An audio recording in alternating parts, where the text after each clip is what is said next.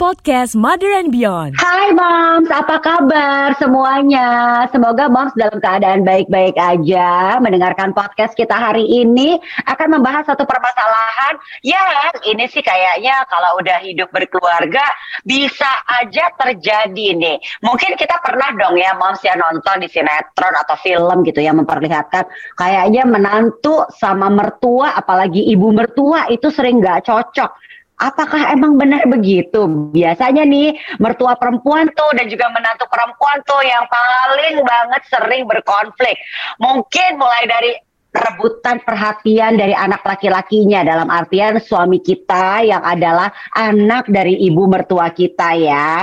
Dan juga mungkin bisa jadi kayak suka ngejelek-jelekin satu sama lain. Kalau di sinetron sama di film sih suka kayak gitu ya. Coba deh kalau dalam kehidupan nyata kita nggak tahu. Nah ternyata ini memang bukan sekedar gimmick sinetron aja ya mams ya. Di dalam kehidupan nyata ada loh ketidakcocokan antara mertua dan juga menantu. Apalagi mungkin buat mereka yang tinggal satu atap ini memang sering kali mengalami resiko risiko konflik yang lebih besar.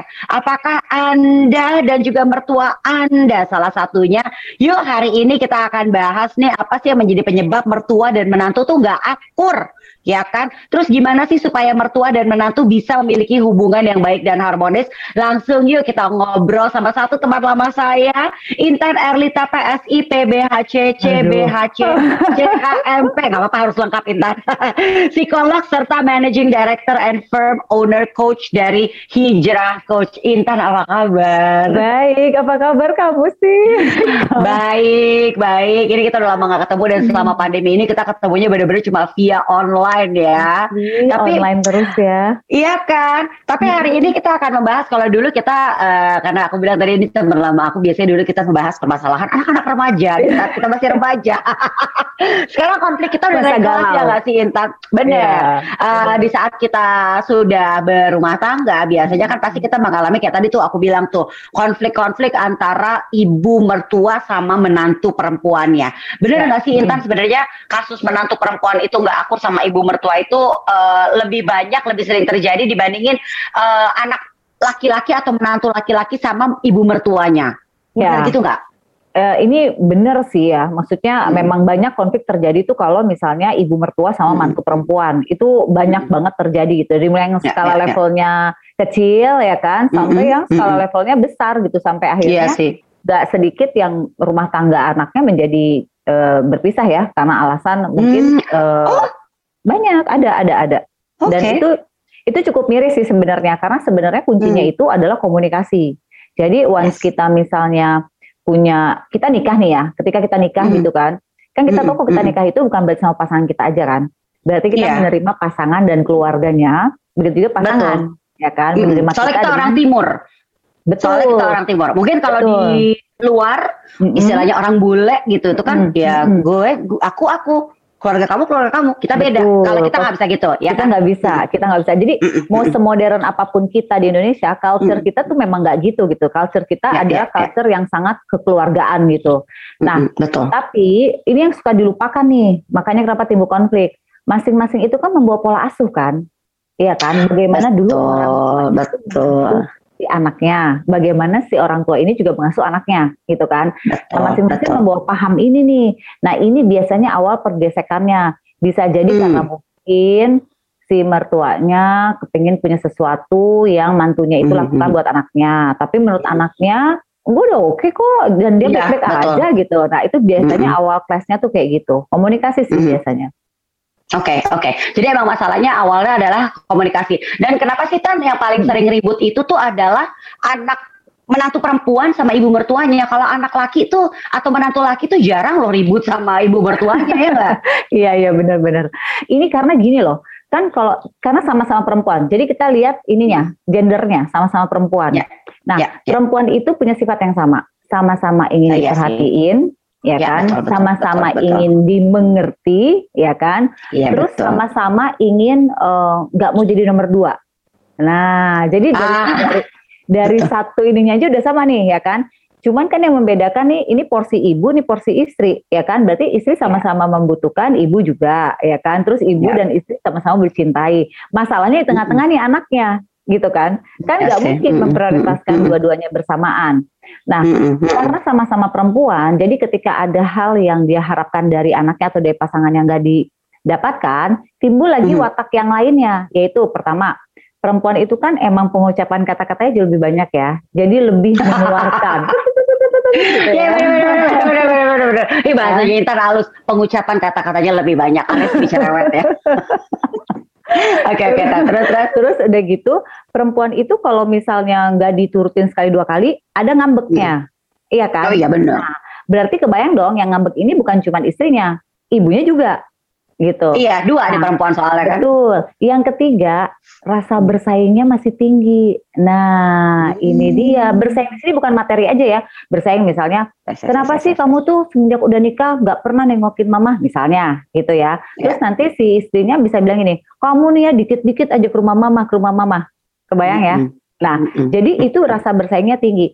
Kalau ini nggak dipahamin sama dua-duanya nih, baik ibu mertua maupun menantu wanita, ini bahaya jadi ibaratnya hmm. bukan berarti saya kehilangan hal itu, tapi ada hmm. kalanya saya kayak sedikit legowo lah ya gitu ya. Ya, ya, ya, ya, ya istrinya dulu deh. Oh sekarang emang ibunya dulu. Kalau ini nggak ada, ada porsinya, ada waktunya ya. Iya, karena kalau nggak ini akan jadi konflik seumur hidup. Karena menikah bukan untuk setahun Betul. dua tahun Betul. kan, tapi untuk seumur hidup ya. Dan mulailah drama-drama. Ya, ya, ya. Benar, benar, benar, benar. Nah, tanda-tanda mertua sama menantu ini nggak akur atau hubungannya nggak harmonis atau nggak cocok tuh apa sih? Apakah memang selalu dengan cekcok atau bisa juga dengan diam-diaman atau gimana tan? Karena kan sebenarnya kan kalau kita karena kita mungkin kemakan banget ya sama sinetron atau film ya kalau tanda-tanda nggak harmonis itu ya adalah dengan yang ribut gitu kan. Apakah memang itu selalu tanda ketidakharmonisan tan? Hmm, tanda ketidakharmonisan itu udah ekstrim ya. Kalau udah sampai cekcok ya. udah ekstrim gitu ya. Iya sebenarnya. Benar-benar benar-benar. Udah pakai bumbu ya gitu ya. Tapi ya, nggak ya, gini. Ya. Tapi ada nggak kayak gitu? Ada. Tapi itu kalau udah naik levelnya. Skala level-level hmm. awalnya tuh biasanya nih ya. Uh, okay. mulai nggak mau ngomong gitu ya atau kalau ngomong yang penting ngomong basa-basi ya kan? Karena kan kerasa lo gestur kita kalau misalnya aku misalnya ketemu Iyalah. kamu gitu ya. Terus aku ngobrol basa-basi. Halo gitu. kabar? Kan males ya gestur kan nggak bisa dibawa ya, ya, ya, ya, ya, ya, ya. kedua udah mulai coba menghindar. Misalnya ada cara ya di rumah kamu ya? Aku nggak ikut ya aku lagi ini lagi hmm. itu. Nah itu tanda-tanda tuh gitu. Jadi bertemu dengan keluarga mertua tuh menjadi hal yang men tidak menyenangkan. Yang ketiga ketika kita sudah mulai merasa asing di rumah mertua harusnya kan nggak boleh merasa hmm. asing. Oke okay lah tahun-tahun pertama mungkin merasa asing karena kita masih belum ya, terbiasa ya. ya. Tapi kalau kita ya, berbicara pernikahannya lebih udah dari hmm. setahun, hmm. harusnya kan udah kayak keluarga sendiri, ya kan? Iya. Walaupun memang iya. harus tetap menjaga uh, beda dengan keluarga sendiri, tapi artinya kita udah se, se, se ngeblend itulah gitulah, maksud aku gitu kan. Ya. Nah, tiga ini adalah alarm yang harus kita pahamin. Nah, kalau ini misalnya kita biarkan, bukan nggak mungkin bisa jadi konflik tadi. Jadi uh, saling ada dua bisa emang akhirnya ketemu perang mulut karena perempuan tadi aku bilang ya kan ya. atau yang kedua sekalian diem dieman ya, dan sih. itu bisa terjadi gitu jadi nggak nggak ya, mau ngomong okay. tapi dipendem nah mm -hmm. gitu Ya, Intan, ini yang kita paling sering dengar terjadi itu kan adalah biasanya perseteruan atau konflik antara mertua dan juga menantunya itu hmm. kalau mereka tinggal satu hmm. rumah gitu. Apakah memang melulu hmm. seperti itu mereka tinggal satu rumah? Apakah kalau iya, berarti apakah memang solusinya di saat memang sudah menikah ya mungkin hmm. setahun dua tahun, tapi habis itu mendingan buru-buru tinggal sendiri deh. Apakah memang harus begitu juga, Tan? Jadi gini, memang memang uh, idealnya kita bicara ideal ya idealnya itu memang kalau habis menikah itu pisah rumah gitu. Ya. Jadi tidak di rumah saya, tidak di rumah kamu. Jadi benar-benar pisah rumah. Kenapa? Karena kita kan masing-masing punya punya orang tua tuh pasti mempunyai penilaian tersendiri gitu kan. Nah kalau penilaiannya nggak sesuai dengan istri kita atau dengan pasangan kita, itu bisa konflik awal gitu kan. Karena kita juga nggak ya. enak ya tinggal dengan orang yang setiap hari kerjanya menilai kita baik atau benar gitu kan, baik atau ya, buruk ya. gitu kan. Nah jadi idealnya memang harus uh, pisah rumah gitu. Karena hmm. uh, banyak yang datang ke aku waktu aku masih praktek. Jadi kalau misalnya ada yang serumah, kemungkinan konflik besar antara menantu perempuan dan mertua perempuan itu sangat tinggi sekali. Karena yeah, tadi aku ya, bilang, yeah, yeah, masing-masing kan membawa pola asuh sendiri, ya kan? Betul. Dan akhirnya mempunyai standar sendiri. Dan perempuan hmm. itu jangan lupa loh, perempuan itu ratu di rumah. Gak bisa ada dua ratu. Iya tuh. ya ya. Seperti Dari konsep seperti konsep lebah ya. Ratu lebah kan cuma satu ya. Iya. Hal simpel deh kayak menata rumah. Mungkin kita kepengennya gini, tesnya kita ada ya kan. Tapi kan mertua punya tes sendiri gitu dan dari hal-hal kayak itu saja bisa. Namun bisa nggak sih kalau satu rumah terus akur? Bisa, ada juga kok gitu. Selama ya. toleransinya itu ada selama ibu hmm. mertua itu mau menurunkan levelnya, kemudian si menantu juga mau naikin levelnya sampai ketemu di ya, tengah-tengah ya. gitu. Hmm. Jadi intinya ketemu di tengah ya. Jadi yang uh, dari hmm. pihak mungkin mertua menurunkan, ya intinya sama-sama nggak nggak ngikutin maunya dua-dua deh, cari jalan tengah gitu ya kan betul. Intan ya. Betul, okay. betul, nah, betul. Uh, Intan, habis ini aku akan menyebutkan beberapa permasalahan yang paling sering terjadi konflik konflik-konflik antara mertua dan menantu. Nah mungkin Intan bisa kasih solusinya nih. Misalnya yang pertama, uh, hmm. punya mertua yang ikut campur soal rumah tangga. Kita sebagai menantu harus gimana? Oke, pertama kalau e, mertua kita senang banget ikut campur urusan keluarga kita gitu ya. Pertama dengerin, jangan dibantah dulu deh, anggap aja nih orang tua kita, hmm. ya kan. Nasihatnya bisa terima atau tidak itu nanti kita yang menjalankan. Yang penting pada saat mertua kasih masukan, walaupun dengan nada yang nyaman atau tidak nyaman, terima aja dulu. Karena kalau kita lawan atau kita jawab itu akan jadi rame. Tapi kuncinya di siapa kalau kayak gini? Di suami. Nah, pengendalinya hmm, adalah suami. Betul, betul. Jadi betul, kalau suami betul. bisa ngomong sama ibunya dengan baik, biasanya ibu tuh mau nurut kok, tapi suaminya harus bisa ngomong sama ibunya dan bisa ngomong sama istrinya. Hmm, oke. Okay. Itu untuk masalah ikut campur soal rumah tangga ya. ya. Yang berikutnya, uh, punya mertua yang mungkin judes atau tidak bersahabat. Eh aku jadi zaman dulu inget Ibu Subangun ya kalau di sinetron-sinetron zaman dulu ya. Tapi kan ya itu kan cerminan memang ada lah ya di, di, di, di kehidupan sehari-hari ya. Ada. Nah, gimana tuh Intan?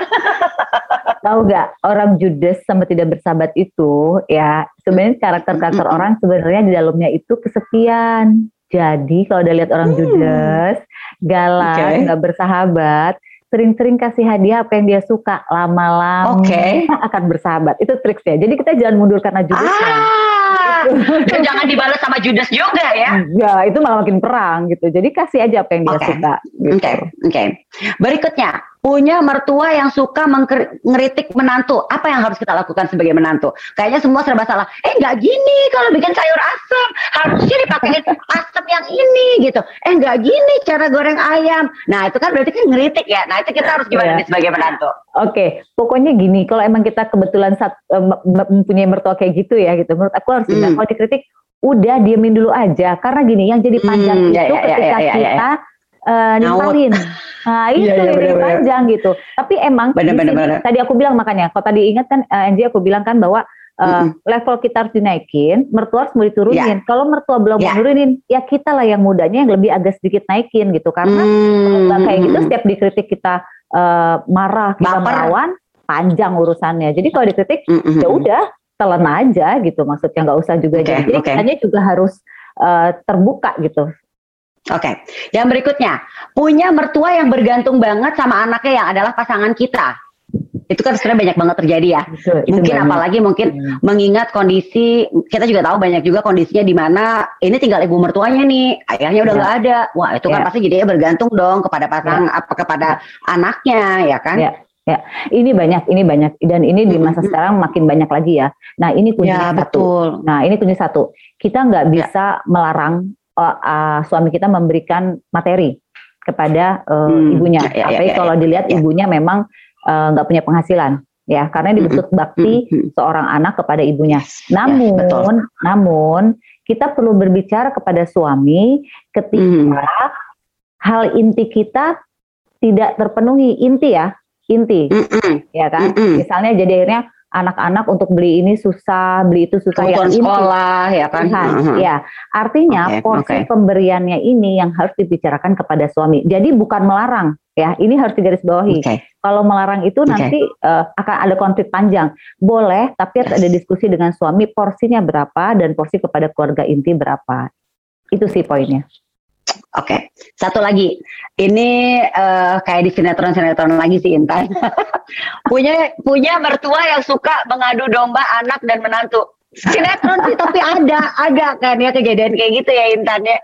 Oke. Okay. Gimana tuh Tan? Kalau emang karakternya suka ngadu domba ya, ini nggak ada lain gak bukan emang menghindar. Jadi aku tuh punya satu om ini ya, yang emang aku yakin ini sering kata-kata sih kita dengar kok gitu ya gini. Yeah. Lebih baik yeah. jauh tapi wangi, ya kan? Betul. Daripada dekat, bau kita kecium, ya kan? Iya benar. kalau, kalau udah karakternya suka mengadu domba, kan karakter. ya kita kan nggak bisa ngubah karakter ya. Kalau bisa hindari dan bertemu uh, se seminimal mungkin. Tetapi kalau tinggal di rumah gimana? Misalnya gitu.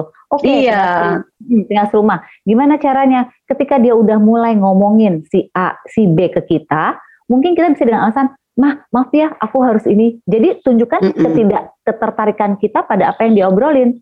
Karena ketika kita menunjukkan ketertarikan, maka itu momen dia untuk mengadu dombakan kita gitu. Hmm, Walaupun misalnya iya, bener, bener, bener, bener, bener. Oh, ini Intan tiap diajak ngomong sama mama suka ninggalin nih, tapi sebenarnya kabur-kaburan nih. Oh ya, sih, tapi sebenarnya kita kan ninggalin kalau udah mulai bicaranya udah mulai ngadu domba. Ya, ya. Nah, harusnya bener, si, bener. si mertuanya itu memahami bahwa oh anak saya eh, nggak uh, suka ya. kalau udah mulai dia mau ngomongin hal yang arahnya ke sana. Jadi kita juga kasih sikap, tapi dengan cara okay. yang lembut gitu. Oke, okay. Intan, kalau menantu dan mertua memiliki hubungan yang harmonis, apakah itu juga apa ya istilahnya tuh memiliki andil yang besar uh, pada pasangan nih, misalnya kita mas suami juga jadi hubungannya lebih sejahtera dan harmonis.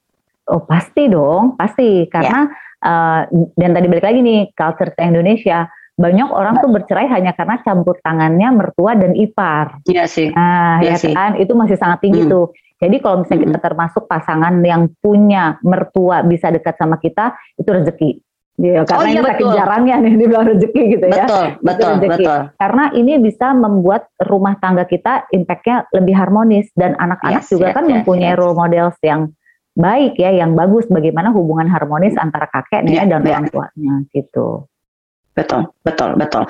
Ya, hmm. Ya, kita memang harus ingat lagi nih ya, walaupun mungkin sekarang kita udah masuk dalam kategori hidup di masa atau di era modern, betul. dan kita juga tahu uh, generasi di millennials itu udah banyak yang menjadi orang tua juga. Hmm. Tapi mungkin satu yang sering kita lupakan, sementara ini tidak boleh kita lupakan adalah kita orang Indonesia, keluarga itu masih punya andil besar betul. dalam kesehari-harian kita. Nggak bisa tuh kita ya. ala-ala Barat, walaupun mungkin kita hari-hari udah berbahasa Inggris, sudah mungkin sekolah di luar, itu nggak bisa tetap ya Tania. Ya, itu tetap bisa. masih harus bisa.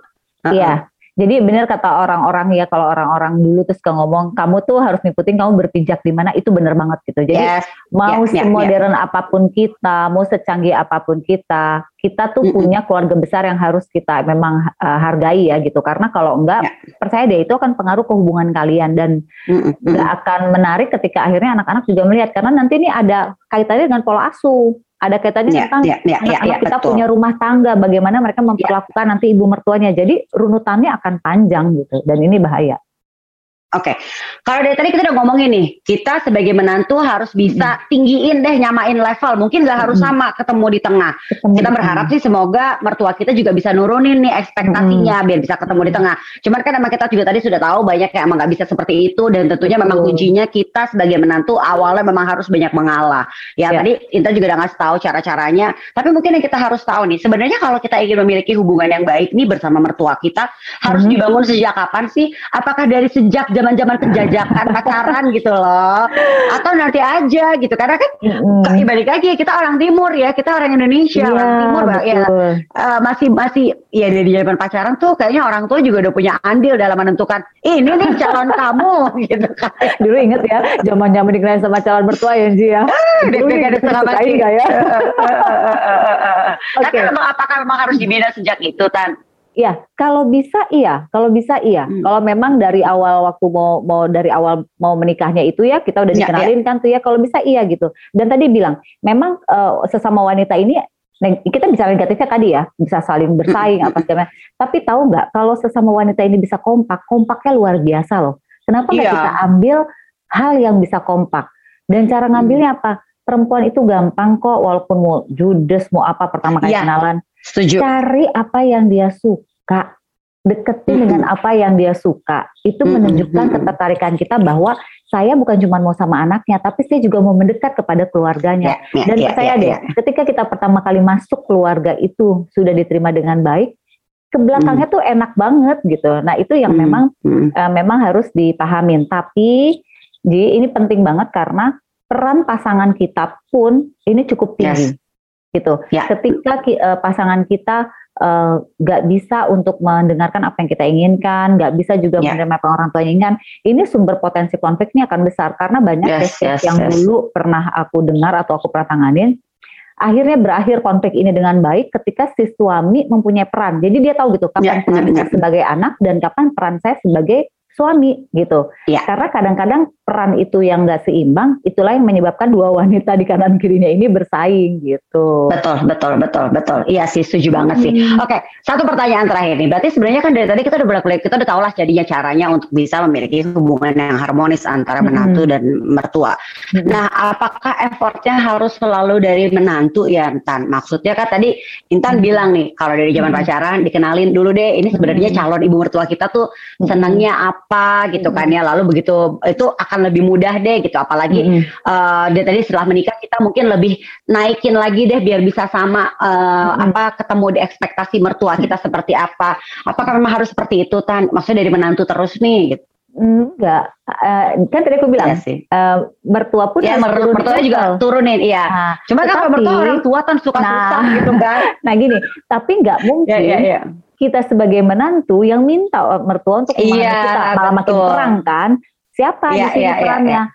suami karena kan suami anak ibunya Balik lagi ya dia punya bahasa punya bahasa anak kepada ibu dan ibu pasti akan iya, luluh iya, iya. walaupun dengan berbagai macam cara gitu ya tapi artinya meminta kepada ibu untuk memahami istrinya itu perannya si suami sebagai anaknya iya, ibu iya. gitu kan karena iya. kalau kita yang meminta ini malah makin perang lagi gitu kan. Jadi hmm, emang ya, ya, ya, ya. intinya itu komunikasi. Jadi komunikasi antara si istrinya, komunikasi si suaminya, dan komunikasi ibunya. Kalau ini bisa bersinergi dan semua mainin porsinya dengan baik gitu ya, maka hmm, ini nggak hmm. akan terjadi konflik. Tapi bukan berarti sempurna nggak ada konflik ya. Ada aja, tapi ya, setidaknya ada. konflik kecil yang cepat selesai lah gitu. Itu masih bisa tertangani. Gitu. Betul ya, ya. gitu. Poinnya okay. adalah itu. Mungkin juga bisa jadi catatan untuk kita bisa lebih istilahnya tuh memahami mertua kita hmm. adalah apalagi mungkin buat moms yang punya anak laki-laki ya bayangin aja nanti kalau anak-anak laki kita nah. diambil sama orang itu kan rasanya kayak apa ya sedihnya ya. Iya, ini sebenarnya anak aku aja kan SMA nih iya. ABG kan. Terus aku ngebayangin, ngebayangin dia bukan nikah aja ya, ngebayangin dia nanti dia punya pacar gimana? Ya? gue udah gimana ya aku harus bersikap ya gitu. iya. Mungkin itu yang bisa membuat kadang-kadang kita tuh sedikit melonggar kayak kebetulan kan aku juga punya anak laki-laki gitu kan terus jadi kayak ya udahlah ya nanti kalau anak laki aku diambil orang nih istilahnya ya. kita tuh ngambil anak orang loh iya kan? Jadi Kita mohon dipahami ya. dimengerti. Ya betul. Kalau mungkin adalah sedikit tidak ada ya apa ada rasa tidak bisa menerima gitu kan ya tidak bisa aduh ini kan anak laki-laki aku apalagi bisa jadi anak laki satu-satunya wah Aduh, ini seru ya ngobrol sama Intan tentang Bener. apa ya? Tadi kita sudah membahas tentang menjaga hubungan harmonis antara menantu dan mentu, mertua. Semoga ini bisa jadi apa ya pegangan buat para moms nih yang lagi sekarang ini uh, mau mau mau memperbaiki hubungan bersama mertuanya atau para calon calon-calon istri ya gimana caranya untuk bisa memiliki hubungan yang baik di saat menikah nanti bersama dengan mertuanya ya nggak sih? Sebenarnya jangan berkonflik kok. Sebenarnya kita bisa kok memulai memahami orang tua kita uh, yang adalah juga tentunya orang tua suami yang adalah orang tua kita juga jadinya ya Tan ya. Mm-hmm, betul banget. Tapi satu yang harus pahami bahwa nggak ada mertua yang sempurna tapi karena kita pun nggak sempurna gitu. Jadi kita menerimanya betul. adalah dengan apa uh, karakter dia, apa yang baik maupun apa yang tidak ya. baik. Yang baik kita jadikan pelajaran, yang nggak baik kita harus lupakan karena gini kita pun belum tentu jadi menantu yang sempurna. Yes, gitu kan. betul Tapi, sekali. Ah, senang banget ngobrol sama Intan. Terima kasih banyak ya Intan udah sharing. Sama-sama. Ya, dan terima kasih buat moms juga yang sudah mendengarkan podcast Mother and Beyond pada kesempatan kali ini. Semoga apa yang kita sampaikan bermanfaat ya. Terima kasih semuanya. Bye. Thank you for listening to podcast Mother and Beyond. Untuk info menarik lainnya, klik motherandbeyond.id serta follow Instagram, Twitter, dan TikTok at motherandbeyond.id, Facebook, dan subscribe YouTube channel Mother and Beyond. Mother and Beyond, your guide to motherhood and beyond.